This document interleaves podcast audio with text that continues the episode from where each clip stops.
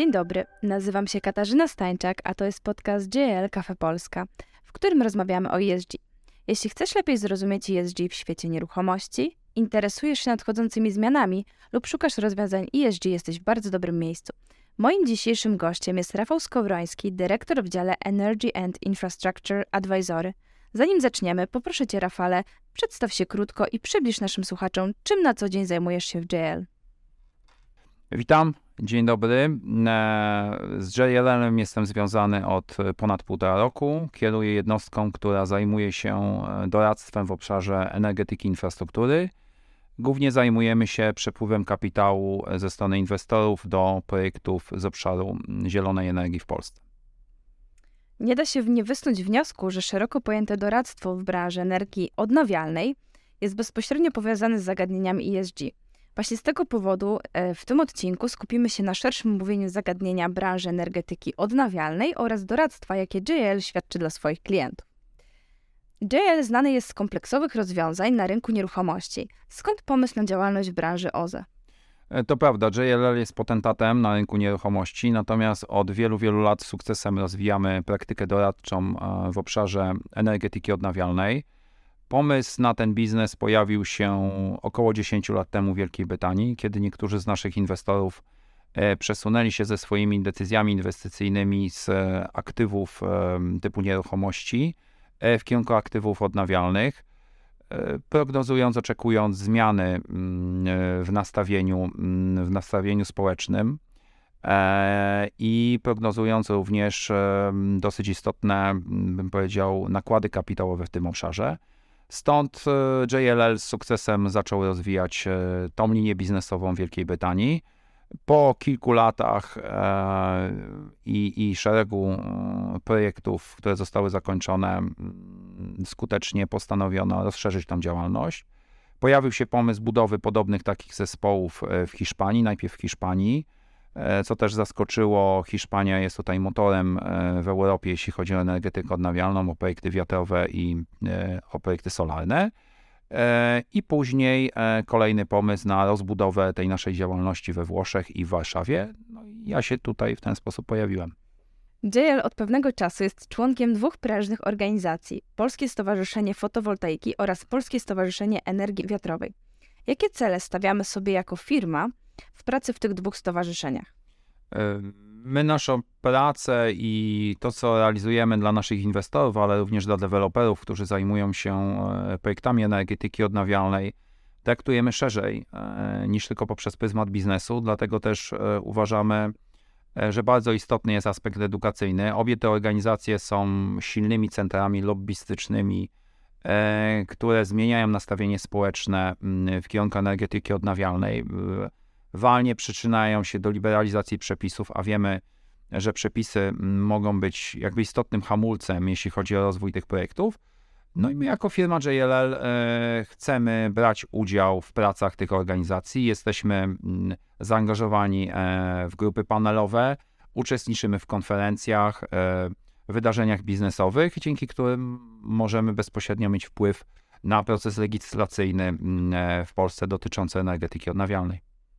Zatem, kim są inwestorzy, którzy inwestują w zieloną energię? Skąd pochodzi kapitał? Takie e, finansowanie hybrydowe to też się pojawia. Czy mógłbyś to jakoś rozwinąć? Tak. Inwestorzy, inwestorzy, którzy inwestują w energetykę odnawialną, e, pochodzą z różnych części świata. E, generalnie jest to kapitał, e, który jest, jest budowany w oparciu przede wszystkim o fundusze emerytalne, które, które poszukują bezpiecznych, bezpiecznych inwestycji, stałych stóp zwrotu aktywa odnawialne takie stopy zwrotu e, oferują. To jest też powód, dla których ci nasi tradycyjni inwestorzy, do tej pory zaangażowani e, w nieruchomości, zaczęli dedykować fundusze nakierowane na inwestycje w ten obszar. Jeśli chodzi o kierunki geograficzne, to jest Europa Zachodnia, Stany Zjednoczone, sporo kapitału też pochodzi z Bliskiego Wschodu, e, z Azji. E, kapitał jest inwestowany w najróżniejszych formach. Ty zapytałaś o jedną z tych form, o formę hybrydową. Jest to jedna, jedna, jedna z, e, z form. Forma hybrydowa polega na tym, że inwestujemy w formule mieszanej, czyli nie jest to inwestycja typowo jako, traktowana jako, jako, jako kapitał, ani nie jest to inwestycja traktowana jako dług. Taka forma hybrydowa ma punkty styku zarówno z takim finansowaniem o charakterze długu, jak i finansowaniem e, kapitałowym. Określone stopy zwrotu. Jest to dosyć e, produkt e, dosyć zaawansowany, jeśli chodzi o dokumentację i zdecydowanie mniejsza grupa inwestorów to preferuje. Natomiast biorąc pod uwagę płytkość rynku bankowego w Polsce, jest to forma bardzo pożądana i realizujemy z sukcesem szereg transakcji właśnie w oparciu o finansowanie e, hybrydowe. Jakie oczekiwania mają inwestorzy? No, inwestorzy mm, przede wszystkim e, ich oczekiwania można podzielić na, na dwie grupy.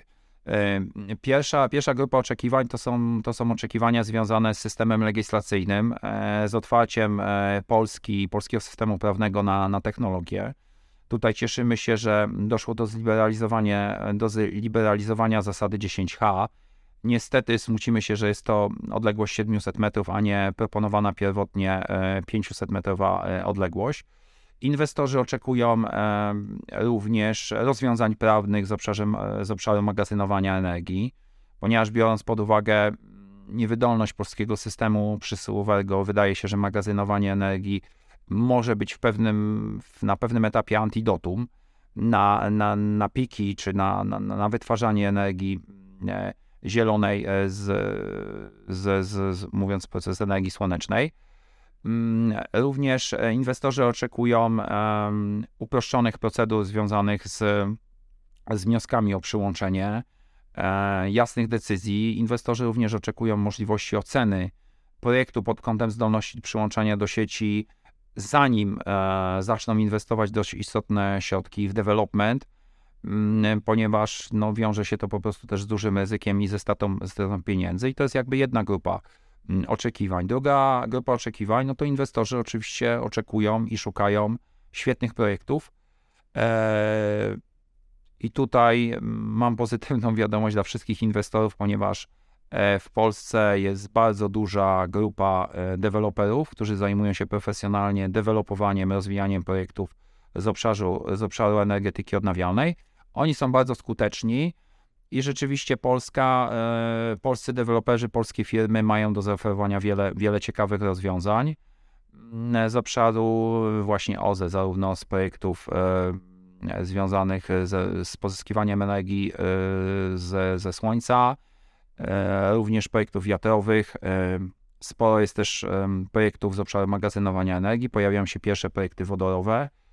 E, mówi się, że wodór będzie tą jakby technologią, czyli takim tym sposobem, który przyćmi pozostałe inne technologie, ponieważ no on mm, będzie związany również z energetyką jakby wiatrową i ze słońcem. No to już byśmy musieli wejść w bardzo, bardzo szczegółowe kwestie związane z profilami, produkcją i myślę, że nie czas i, i miejsce na to, ale to jest pozytywna na pewno wiadomość. Czyli jak już wspomniałeś, liberalizacja przepisów 10H e, będzie skłaniała do większego inwestowania w tym zakresie. E, tak. E, jakiś czas temu, jakiś czas temu technologią dominującą w Polsce była technologia wiatrowa. Polska jest krajem wiatru.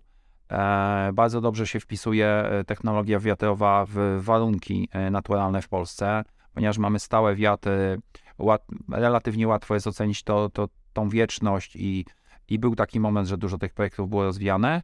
Niestety z e, powodów, których e, trudno mi jest komentować, został ten rozwój zatrzymany, ponieważ została wdrożona zasada 10H. E, dla tych słuchaczy, którzy nie wiedzą na czym ona polega, to ta zasada 10H oznaczała, że nie można konstruować elektrowni wiatrownej czy tam turbiny wiatrowej, jeżeli była ona zlokalizowana bliżej niż 10 razy wysokość, wysokość tejże tam turbiny do, do, do szczytu wirnika od najbliższego tam zabudowania. E, to doprowadziło do wyeliminowania blisko 99% kraju, więc w zasadzie wycięło technologie wiatrowe. Kapitał nie śpi, inwestorzy poszukując możliwości inwestowania swoich środków w technologie odnawialne, a i my też szukając możliwości zmiany miksu energetycznego, zaczęliśmy rozwijać technologie w oparciu, znaczy farmy solarne.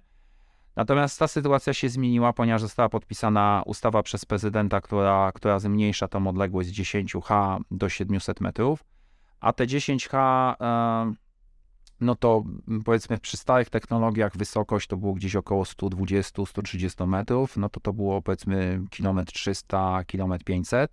Teraz mamy około 700 metrów, o 7, 700 metrów. E, no i to otwiera eksperci szacują między 4 a 5% powierzchni kraju e, do, do inwestowania w tego typu technologie. Oczywiście tam szereg jest innych kryteriów, o których nie mamy czasu mówić, ale dla przykładu mogę też podać, że gdyby, gdyby została podpisana ustawa e, umożliwiająca e, jakby konstrukcję przy odległości 500 metrów, mielibyśmy około tam powiedzmy 7-8% kraju.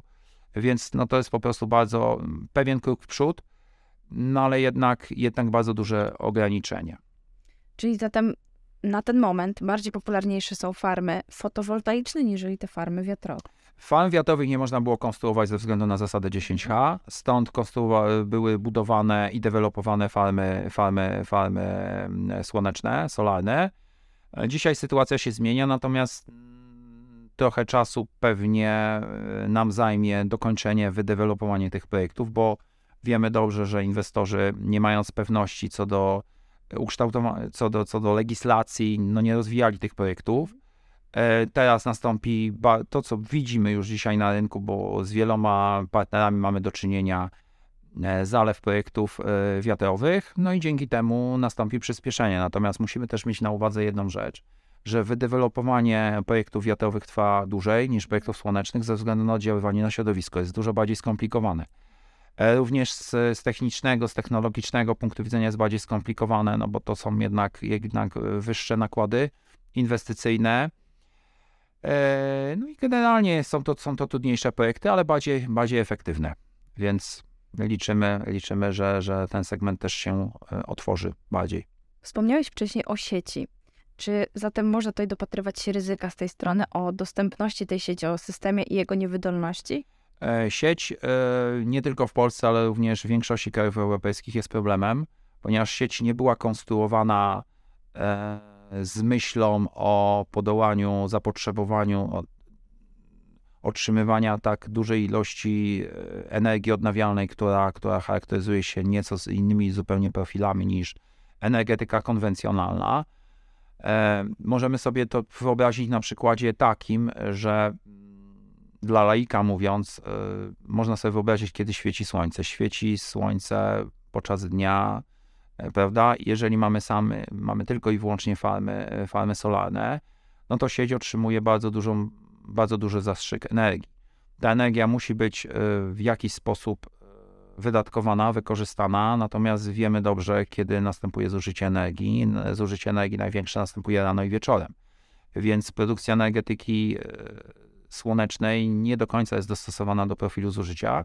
W związku z tym musi być w jakiś sposób magazynowana albo inaczej alokowana. Do tej pory mm, e, sieć była po prostu traktowana jako magazyn energii, ale sieć nie może być magazynem energii. To troszkę jak jest z rzeką. Jeżeli rzeka sobie płynie w jakimś, w jakimś torze utartym, jest ten tor wybetonowany, a będziemy, będziemy tam dolewać w nieskończoność albo będą bardzo duże opady, to będzie wylewało, tak? W związku z tym e, po prostu operatorzy ograniczyli możliwość e, przełączenia właśnie z powodów takich, że sieć nie ma możliwości magazynowania. Dlatego tak bardzo istotne są projekty związane z magazynowaniem energii, które, e, które zdejmą jakby te nadwyżki i wypłaszczą profil. Jeżeli to z kolei zestawimy z profilem, e, jak produkuje farma wiatrowa, kiedy wiemy, że, że wieje w nocy, nad ranem, wieczorem, Okazuje się, że farmy wiatrowe są jakby tutaj idealnym uzupełnieniem, albo inaczej. Może słońce jest e, uzupełnieniem wiatru, tak należy na to patrzeć. Jasne. Jeszcze mam do ciebie dwa pytania. Czym jest doradztwo transakcyjne w tej branży? Jak JL w tym działa? Doradztwo transakcyjne, w którym my się zajmujemy, polega na zabezpieczeniu kapitału na rozwój tego typu projektów. Yy, tak jak wspominałem już na początku, pracujemy, operujemy we wszystkich e, praktycznie technologiach, e, które są spotykane w Polsce, czyli operujemy, jeśli chodzi e, o farmy wiatrowe, farmy solarne, magazyny energii, również projekty wodorowe przede wszystkim. I nasza rola polega na znalezieniu inwestora mm, i ustrukturyzowaniu tak transakcji, żeby ten kapitał ze strony inwestora mógł popłynąć na odpowiedni projekt albo na, na, na portfolio projektów, bo raczej mówimy tutaj o portfolio projektów i mógł być wykorzystywany na, na rozwój tych projektów. My pracujemy na, z projektami na różnym fazie rozwoju. To, co jest jakby dzisiaj najistotniejsze, to jest finansowanie tak zwanego kapitału rozwojowego mm, związanego z przygotowaniem takiego projektu, ponieważ e, banki, instytucje finansowe tego nie finansują. Ponieważ taki projekt no to tak naprawdę to jest studium, tak? To są po prostu dokumenty, papiery, e, umowy dzierżawy, prawa, zgody, decyzje. Nie jest to aktywo sensu stricte, w związku z tym ciężko jest uzyskać finansowanie bankowe i banki w tym nie uczestniczą, a inwestorzy są skłonni e, powierzać deweloperom kapitał na rozwój. Druga grupa projektów to mamy do czynienia z taką sytuacją, gdy taki projekt już e, został wydewelopowany, można zacząć budowę i wtedy w wielu przypadkach e, deweloper albo podmiot, który to wydevelopował, być może potrzebuje wsadu kapitałowego, bo bank oczekuje dużego udziału kapitału versus, versus, versus dług. Inwestor nie zawsze ma. E, w związku z tym pojawiają się instytucje, które udzielają chociażby takiego finansowania hybrydowego, które traktowane jest jako, jako wkład własny, ponieważ jest e, ulokowane wyżej niż, niż, niż finansowanie projektowe, które jest z reguły niżej.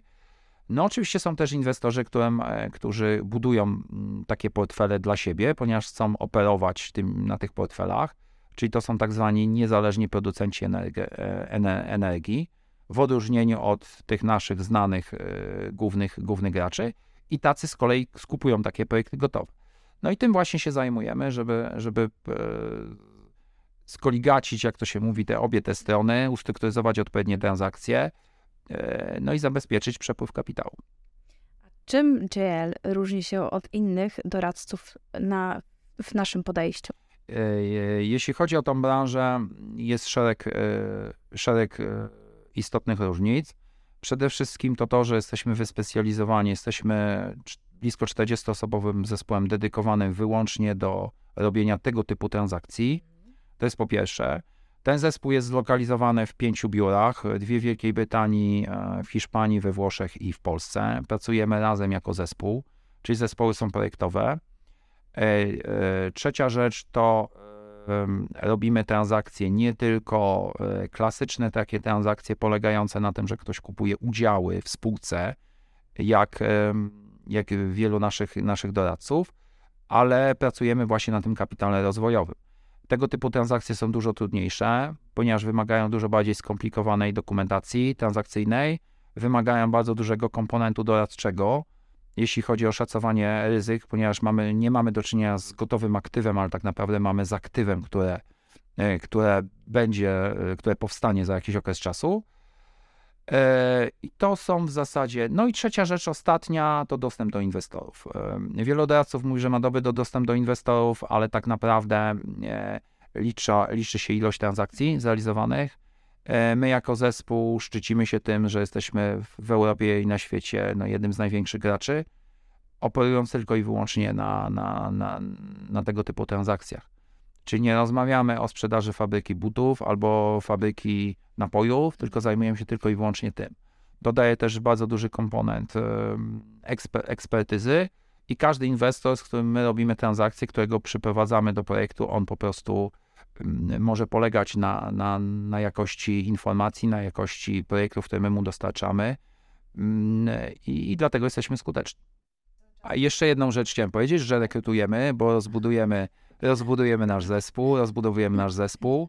E, mamy bardzo duże, silne potrzeby rekrutacyjne i zachęcamy młodych, młodych studentów, e, tudzież osoby nawet z doświadczeniem do aplikowania z przyjemnością się z nimi spotkam i porozmawiamy, co możemy wspólnie razem zrobić. Zatem podpisujemy się pod prośbą Rafała. Dziękuję Ci bardzo za rozmowę, za poświęcony czas, a Państwa zapraszam do naszych kolejnych edycji podcastu. Dziękuję bardzo. Dziękuję.